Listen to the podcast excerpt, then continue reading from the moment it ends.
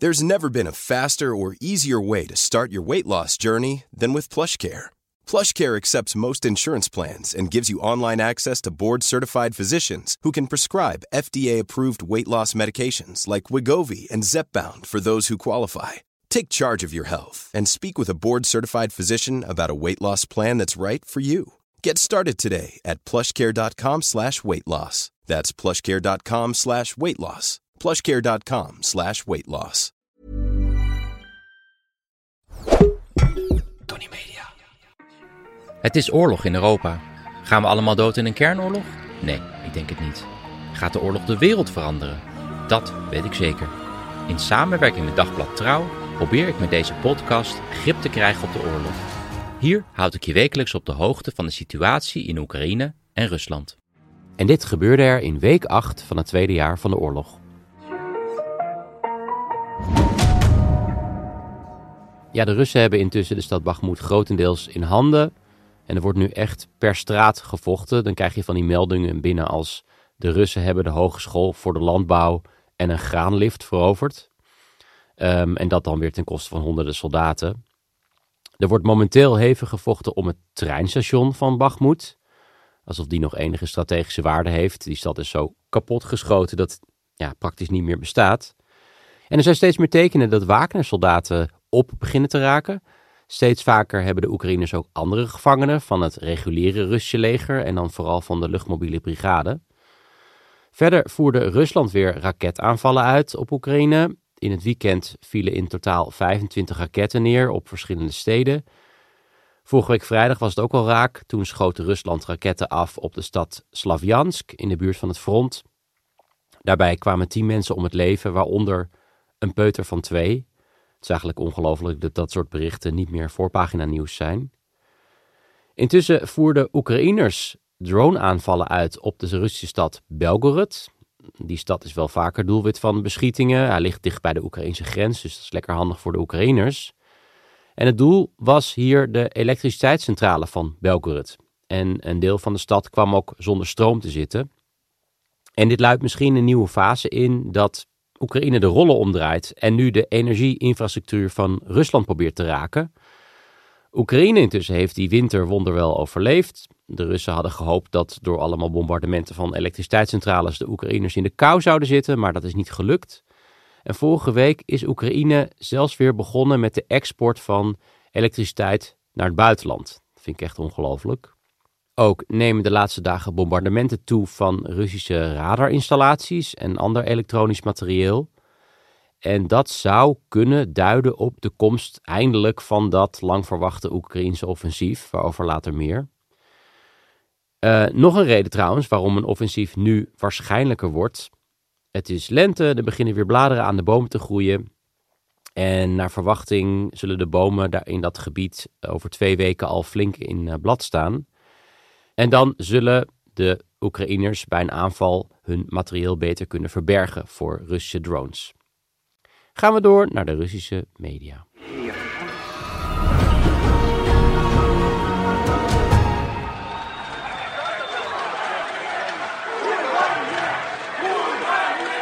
Je hoort hier de zanger van de Russische punkband Naïef. Uh, die stonden dit weekend op het podium van een club in Moskou. En in dit fragment draagt hij een t-shirt met de naam Masha Maskaliova. Nou, dat is een verhaal dat jullie vast al, al kennen. Ik beschrijf het toch even kort. Dit is de naam van een meisje van 13 dat april vorig jaar een anti-oorlogtekening op school maakte. Dit speelt zich allemaal af in Rusland dus. En haar vader kreeg een bezoek van de Russische geheime dienst.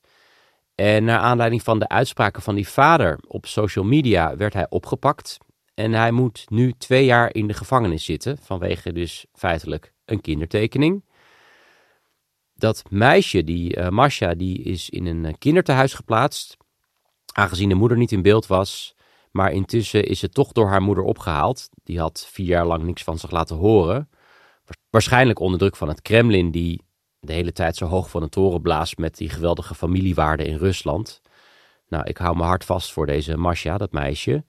Hoe dan ook, de zanger van de band, die zei over zijn t-shirt met dus haar naam erop: Google deze naam, vind uit wat er kan gebeuren als je een kindertekening maakt. En dan hoor je vervolgens het publiek antwoorden met goeie wajnie, wat betekent fuck de oorlog. Dus dat is best bijzonder eigenlijk dat dit gebeurde. En ik ben ook heel benieuwd hoe het nu met de zanger af gaat lopen. Wordt vervolgd. Ja, en deze week stond ook in het teken van twee mannen die allebei weg liggen te rotten in een of andere cel. Eentje in Rusland, een andere in Georgië. Het zijn beide mannen die hun land willen veranderen en daar nu een hele zware prijs voor betalen. En de vraag is ook of deze mannen volgende week nog leven.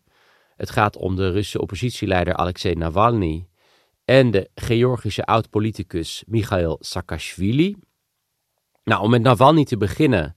FBK, de organisatie van Navalny, die had een onderzoek gepubliceerd over het Russische gevangenissysteem. En dat ging meer specifiek over de kolenfraude. En daar bedoel ik dus de groente mee, de kolen, dus niet kolen voor op de barbecue. Nou, die kolen spelen een hele belangrijke rol in de gevangeniskeuken. Het is een beetje de hoofdmoot van een maaltijd voor de uh, ja, 400.000 gevangenen in Rusland. En die prijs van, ja, ik denk koolsoep of zoiets. Ja, iets uh, heel goors, denk ik. In ieder geval, de prijs van kool ligt gewoon normaal op de markt rond de 6 roebel per kilo. Maar FBK die kwam erachter dat die kolen door, de gevangenis, uh, ja, door het gevangenissysteem voor 27 roebel per kilo worden ingekocht. Dat is meer dan vier keer zoveel. En ja, je raadt het al, dat verschil in prijs, dat verdwijnt natuurlijk in de zakken van allemaal uh, gevangenismanagers. En in de verklaring zei Navalny, Poetins systeem bestaat alleen maar om geld te verdienen door te frauderen met kool. Het hele systeem zal altijd blijven stelen, want dat is de reden waarom het systeem bestaat. Nou, na die verklaring werd hij ja, opnieuw in de isoleer gegooid. Hij was er pas drie dagen weer uit. En dit is nu al de dertiende keer dat hij in de isoleercel belandt. De afgelopen weken is hij 8 kilo lichter geworden en heeft ook last van buikpijn. Dat zei zijn woordvoerder uh, Kira Jarmish. En ja, zij is bang dat hij opnieuw is vergiftigd, dit keer met een soort van langzaam werkend gif. Dus het gaat helemaal niet goed met uh, Navalny. Intussen in Georgië is de oud-politicus Michail Saakashvili stervende. Ja, even om het leven van deze man volledig te beschrijven, zou ik eigenlijk een hele podcast aan deze man moeten wijden. Maar even in het ultra kort. Hij leidde onder meer de Rozenrevolutie in 2003 in Georgië, de eerste van revoluties in de voormalige Sovjet-Unie, die toen leidde tot meer democratie. En democratie is waar Poetin zo ontzettend bang voor is, democratie in de regio. Daarna was een hele politieke achtbaan. Hij is uh, geprezen en verguisd in Georgië als president. Hij vluchtte naar Oekraïne. Daar werd hij opnieuw geprezen en verguisd, dit keer als gouverneur van de stad Odessa. En vervolgens na een korte periode in Terneuzen uh, belandde hij in Georgië. En daar is intussen een pro-Russische regering aan de macht. En daar werd hij opgepakt. En hij brengt sindsdien zijn tijd door in de gevangenis. Ja, ik moet serieus echt nog een keertje stilstaan bij deze man. Wat een leven.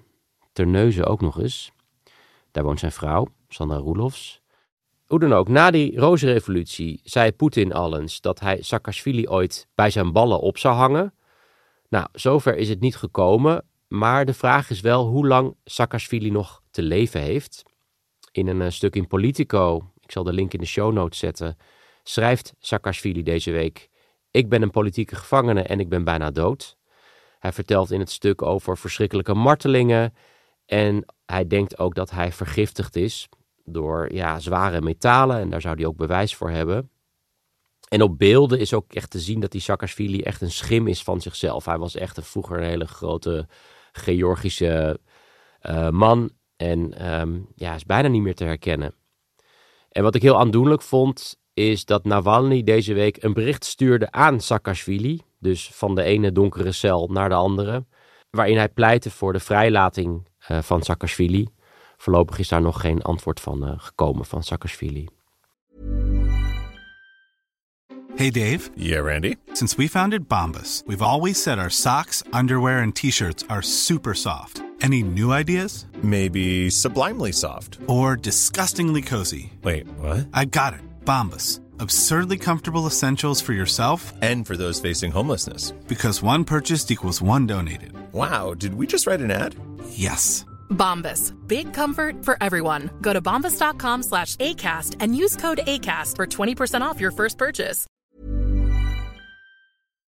En dan nog even dit. Ik heb zelf, gek genoeg, niet zo heel veel met podcasts. Misschien omdat ik gewoon een hele slechte multitasker ben. Zoals, ja, ik heb wel eens geprobeerd op de fiets om een podcast te luisteren, maar dan gaat het echt mis. Misschien dat ik daarom maar naar één podcast luister en dat is War on the Rocks.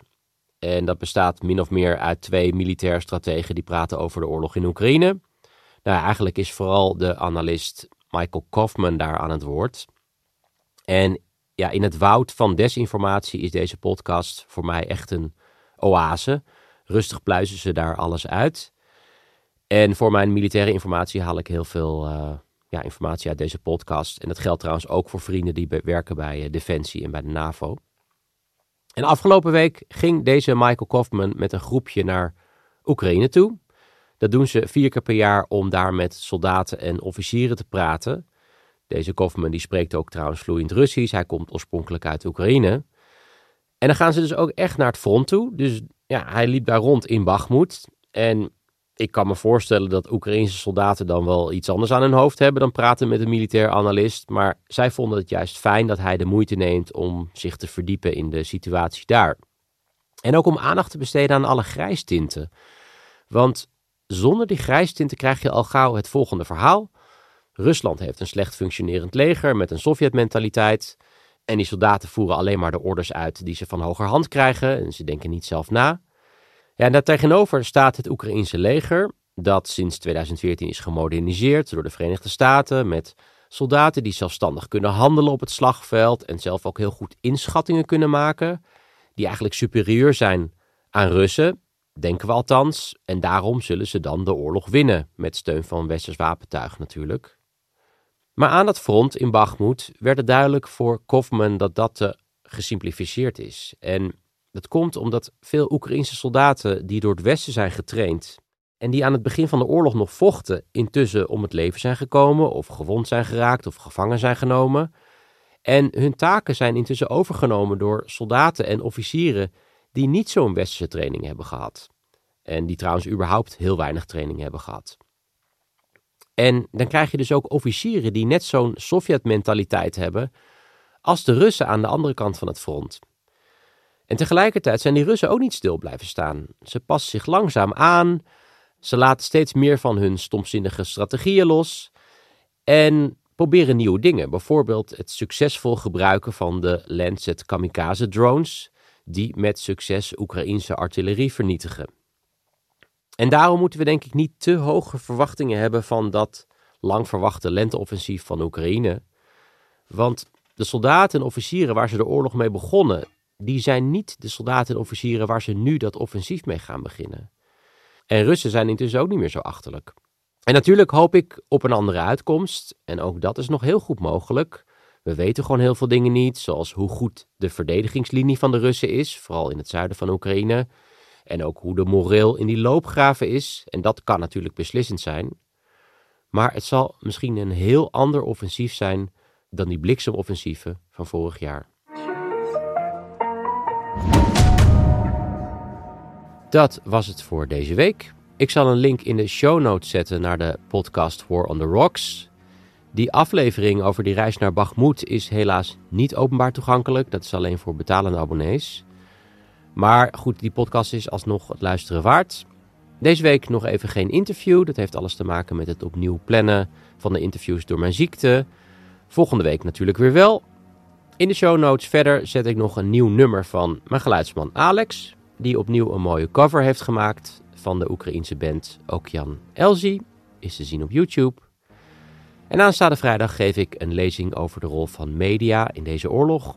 In het bijzonder in Rusland in het Instituut voor Beeld en Geluid. Er zijn nog kaarten beschikbaar.